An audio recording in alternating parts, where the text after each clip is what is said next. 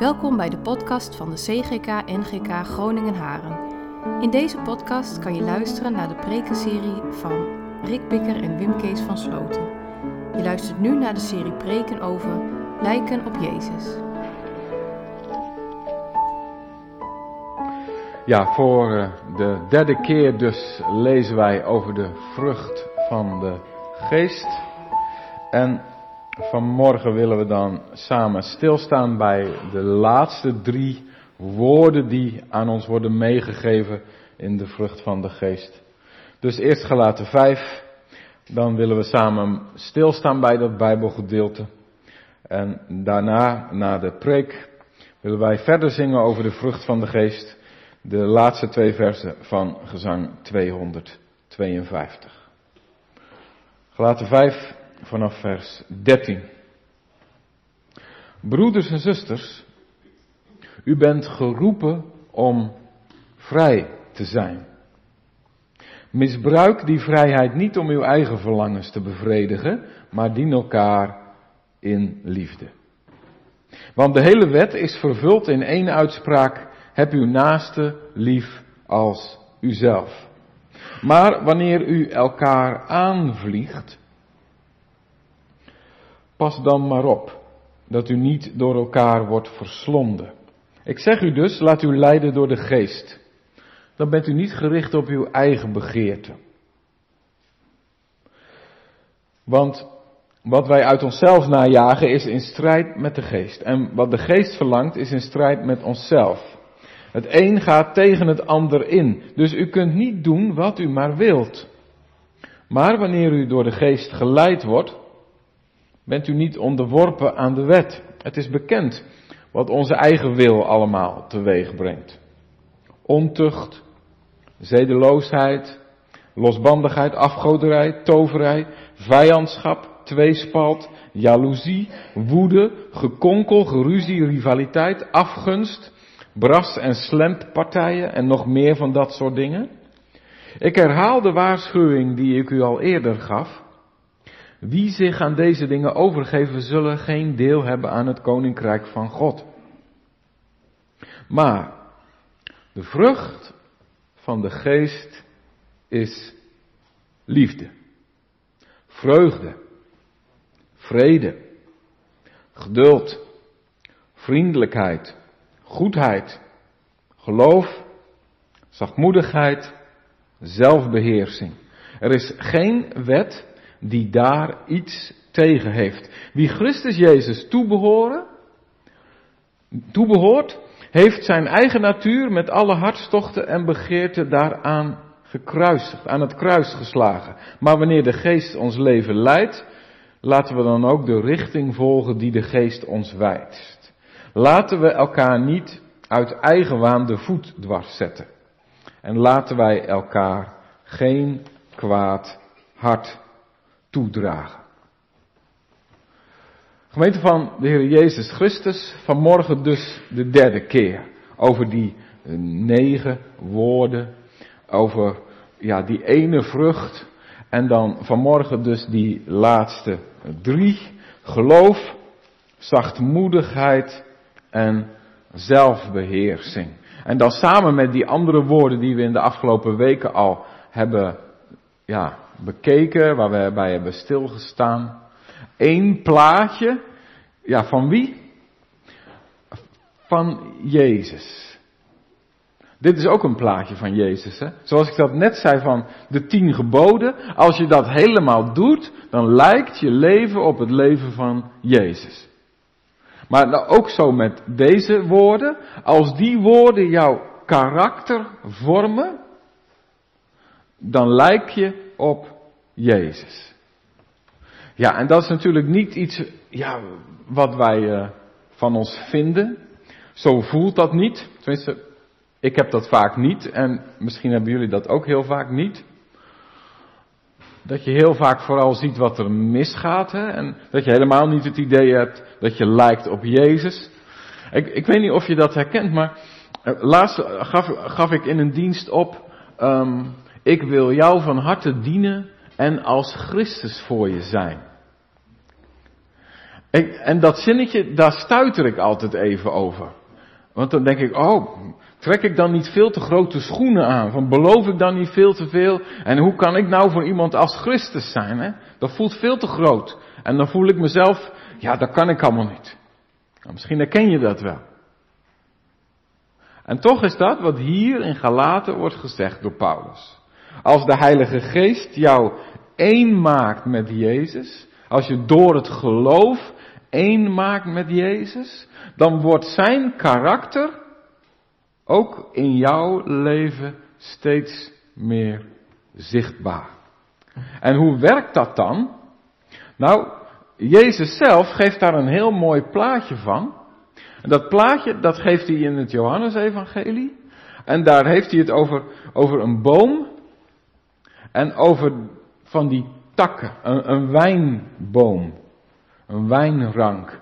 En, en daar zitten dan die takken aan en zegt hij, ik ben de boom en jullie zijn die takken die daar aan zitten. En, en dan mijn levenssap, dat gaat door jullie heen.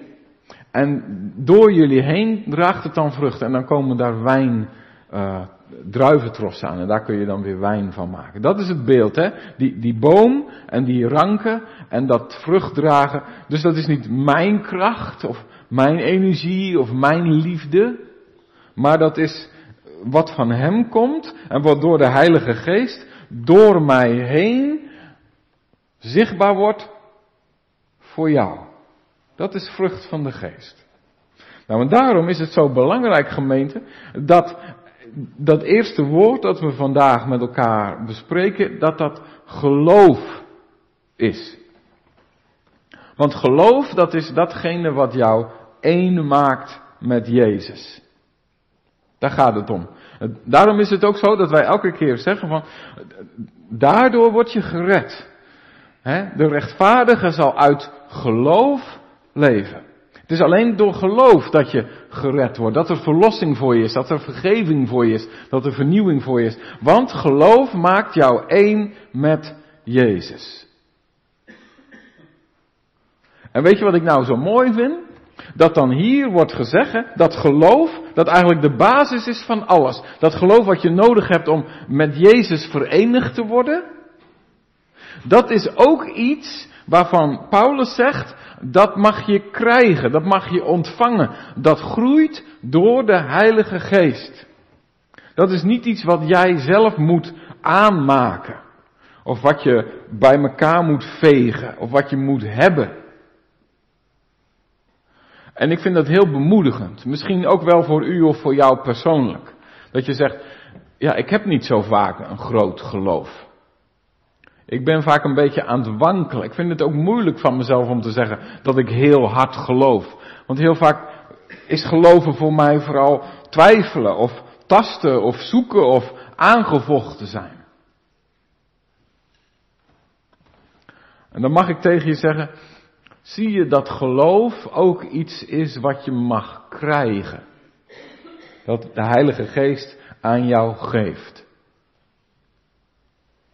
Wij denken vaak dat je het moet hebben.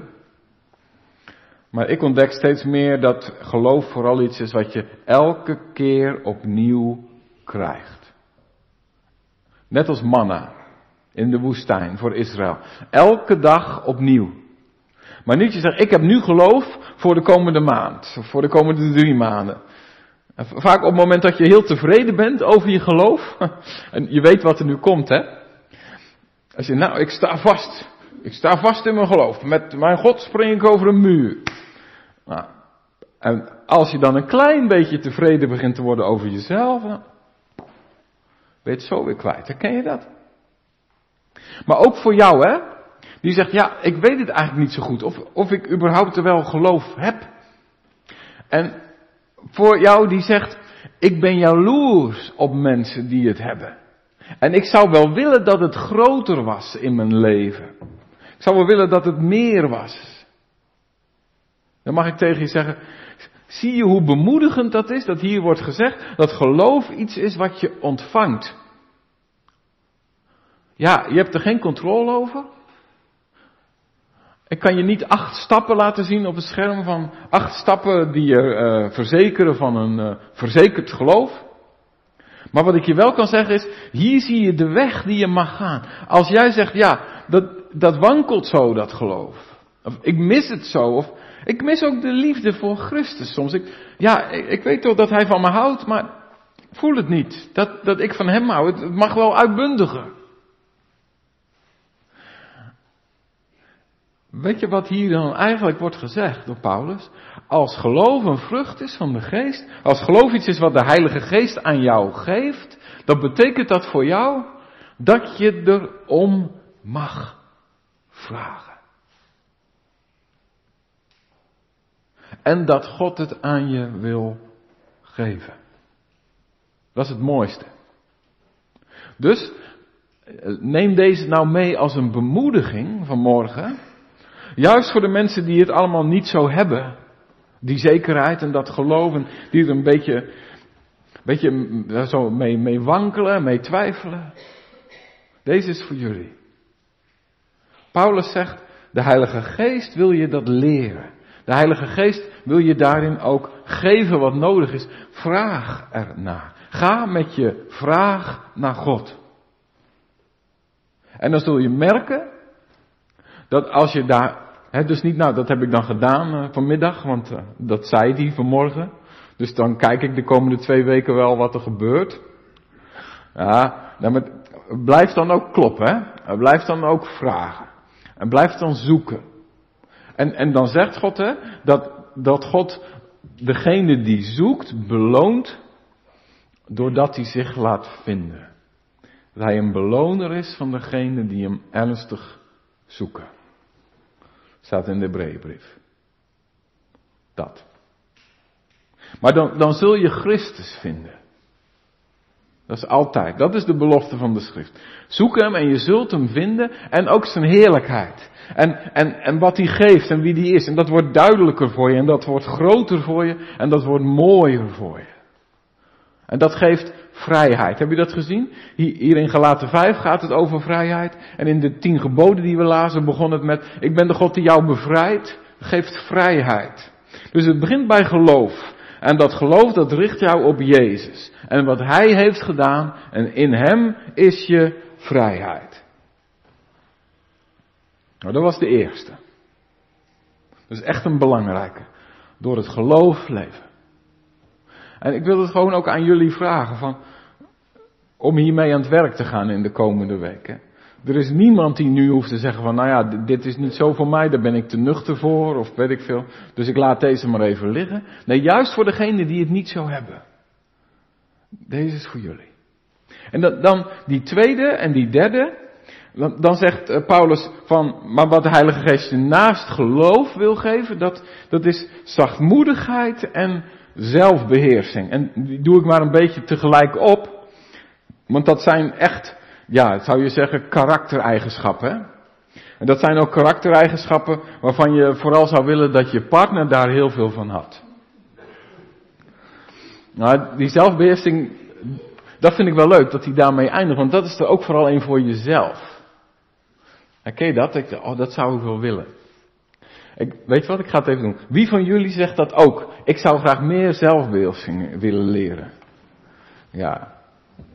Er moet bij mij 10 kilo af, mensen. Ja. Oh, daar nog één. Ja. Dat is zomaar even een praktisch voorbeeld, hè.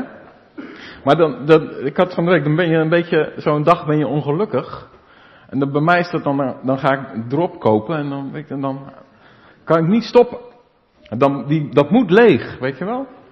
En dan denk ik altijd, nou, die zelfbeheersing kan nog wel, kan nog wel ietsje meer. En die zachtmoedigheid, misschien herken je dat ook wel bij zeg. Dat is vooral iets waarvan ik denk, dat heb ik vaak niet. Weet je, dat je net iets te kort reageert. Zachtmoedigheid, dat is dat je ja, niet altijd een scherpe tong hebt. Dat je bereid bent om de minste te zijn. Dat je de ander zijn gelijk geeft. Dus dat je luistert naar een ander. Dat het niet altijd alleen maar gaat om jou en wat jij vindt en hoe jij het wil. Maar dat er plaats is voor die ander en wat voor die ander belangrijk is. Mozes was een zachtmoedig man, zegt de Bijbel. Jezus Als de leerlingen dan zeiden, nou laat al die moeders met hun kinderen nou maar wegwezen, want jullie halen het hele programma van Jezus voor deze dag door de war. Dan zei Jezus, nee, nee, nee, laat maar komen. Mijn programma, dat komt er. Kom maar, kom maar jongens en meisjes, kom maar bij mij. Dat is Jezus. Dat is zachtmoedigheid. En wat zou dat heerlijk zijn als wij een gemeente waren van uh, zachtmoedige mensen. Die gewoon in de omgang met elkaar, met de mensen om hen heen, zachtmoedig waren. Ik heb van de week eens even op internet wat discussies zitten volgen over uh, die nieuwe abortuswet in Amerika. En even nog los van de inhoud, hè. Oh. Mijn dochters die zeggen wel eens tegen mij, uh, papa, het internet is een open riool. Nou, in zulke discussies zie je dat echt. Maar ook hoe christenen dan, hoe ze zich dan opstellen, hoe hard. Elkaar bedreigen, elkaar uh, voor van alles uitmaken. Uh, elkaar onder druk zetten. We doen er zo makkelijk aan mee, dat hele polariseren. We laten het zomaar gebeuren. En dan zegt, uh, dan zegt Paulus hier over zachtmoedigheid en zelfbeheersing. Ja, en dan zeggen wij, nou dat, dat hebben we nodig in deze tijd. En dat heeft de gemeente van Christus nodig in deze tijd. En dat hebben wij zelf ook nodig in deze tijd. Dus nou, laat maar komen. Dat wil ik wel. Die vrucht van de geest, ja hoor, ik sta er helemaal open voor. Maar weet je, als je, als je er zo over denkt, hè, dan praat je er bijna zo over, alsof dat dan iets is van, nou ja, weet je, dat stroomt dan soort bij je binnen, hè, en dan, en dan heb ik dat opeens. En dan opeens ben ik altijd zachtmoedig. Gewoon vanzelf. En opeens ben ik altijd heel beheerst. En heb ik controle over, over al mijn uh, uh, wensen en bevliegingen en fantasieën. Dat, kan ik opeens heel gecontroleerd er allemaal dingen mee doen. En dat gaat allemaal vanzelf. Nou, dat is het volgens mij niet, gemeente, wat Paulus hier zegt. Dat als de Heilige Geest maar in je werkt, dat je automatisch een super zelfbeheerst mens bent. En automatisch een super zachtmoedig mens. Dat komt allemaal vanzelf. Nee, dat zijn dingen die je ook moet leren. En daar wil ik ook wel even aandacht voor vragen vanmorgen, gemeente. Want ja, die vrucht van de geest, dat is iets wat God geeft en wat groeit, hè. Wat je ontvangt. Maar, aan de andere kant, gemeente, dat vraagt ook aandacht. Dat kost ook strijd. Er was eens een keer een, een vrouw en die zei tegen haar dominee van, die dingen, die wil ik leren. Wilt u voor mij bidden dat ik een geduldig, zachtmoedig en beheerst mens word? Wilt u daarvoor bidden, dominee? Hij zegt, dat is goed, we gaan samen bidden. Zegt, Vader in de hemel, ik wil bidden dat u deze zuster veel moeite wil geven in haar leven. En veel strijd en veel aanvechting en veel zorg. En zo, oh, stop, stop, stop, stop. Wat doe je nou, zei ze. Hij zegt, ja, jij wilde toch geduld leren? En zachtmoedigheid? Hoe denk je anders dat je dat leert? Dat leer je door strijd. Dat leer je door aanvechting. En dat leer je door moeite. En dat is wel belangrijk dat we dat zien, gemeente. Dat die dingen dus niet automatisch binnenkomen zoals op je telefoon. Je zegt, ik wil een nieuwe app. Dan ga je naar de App Store en dan duw je erop en dan plop staat het opeens zomaar op je telefoon en dan is het er. Maar deze dingen, zachtmoedigheid, zelfbeheersing, dat geldt ook voor die andere dingen, geduld en vriendelijkheid. Zijn niet dingen die er zomaar opeens zijn en dan, en dan is het er en dan hoef jij nooit meer moeite te doen om geduldig te reageren op weer zo'n klant. Nee. Je wordt geduldig doordat je elke keer bewust bent van, er is weer een klant en dat is een persoon. En die persoon heeft misschien wel een rotdag achter de rug. En dat. Nou, en daarom zegt Paulus, in dat gedeelte dat we hebben gelezen. Wie Christus Jezus toebehoort, heeft zijn eigen natuur met alle hartstochten en begeerten aan het kruis geslagen. Dat is denk ik wel ongeveer de minst favoriete zin in dit hele stukje. Want dat andere, dat voelt een beetje als, oh kom maar Heilige Geest. Maar dit hoort er ook bij. Zie je dat? Dat dat gewoon ertussen staat. Dat Paulus zegt, ja maar als je wil groeien in die vrucht van de geest. Ja, hij geeft het. Hij laat het groeien. Maar het vraagt van jou ook aandacht. Dat er dingen zijn die je moet kruisigen, die je moet doodmaken, die geen plek mogen hebben in je hart, die je moet opsporen en die je moet wegjagen. Dat begint met aandacht, gemeente. Weet je wat de Puritijnen vroeger deden? Dat is nu ook weer helemaal in. Journaling. Dat je een dagboek schrijft. En de Puritijnen die deden dan vroeger, aan het eind van de dag, dan gingen ze opschrijven, niet wat gebeurde er vandaag, maar hoe reageerde ik vandaag? Er kwam een irritant mens binnen. Hoe heb ik op hem, op haar gereageerd? Er gebeurde iets en dat was beangstigend. Hoe heb ik daarop gereageerd? Wat gebeurde er in mijn hart? En dat je dan die dingen opspoort die niet van de Heilige Geest zijn. Maar die komen uit hè, wat Paulus hier noemt je eigen ik, je vlees. En dat is bijvoorbeeld vaak bitterheid. Als, als je bitter reageert, reken erop dat het niet van de geest komt. Als je uit angst reageert, vaak ook niet. Als je wrokkig bent. Als je hoogmoedig bent. Als je jaloers bent. En gemeente, dat is dus belangrijk dat je, als je wil groeien in die vrucht van de geest, als je een christen wil zijn die meer lijkt op Jezus, dat je dan ook aandacht hebt voor wat er leeft in je hart. Waarom doe ik dit zo? Waarom reageerde ik net op die manier?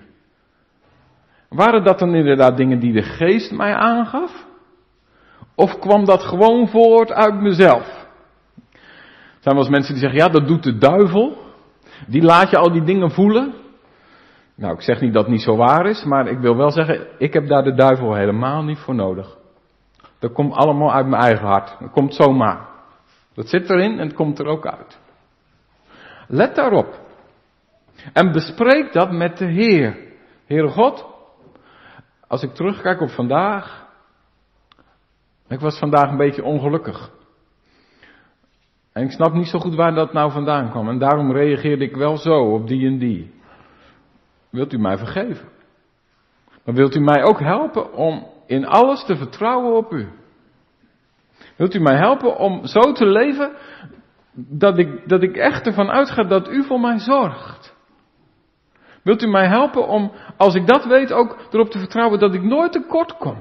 De Heer is mijn herder, het ontbreekt mij aan niets. Dus ik hoef niet jaloers te zijn op die en die. En u vergeeft mij al mijn zonden. U hebt uw leven gegeven aan het kruis op Golgotha. Heere, help mij dan ook om niet bitter te zijn tegenover iemand die vorige week in de telefoon iets zei wat mij kwetste. Heere God, wilt u mij helpen om zachtmoedig te zijn en beheerst. Maar dat leer je dus door aandacht te hebben voor je gedrag hoe je praat, wat je doet, wat je niet doet, wat je denkt. En dat te bespreken met God.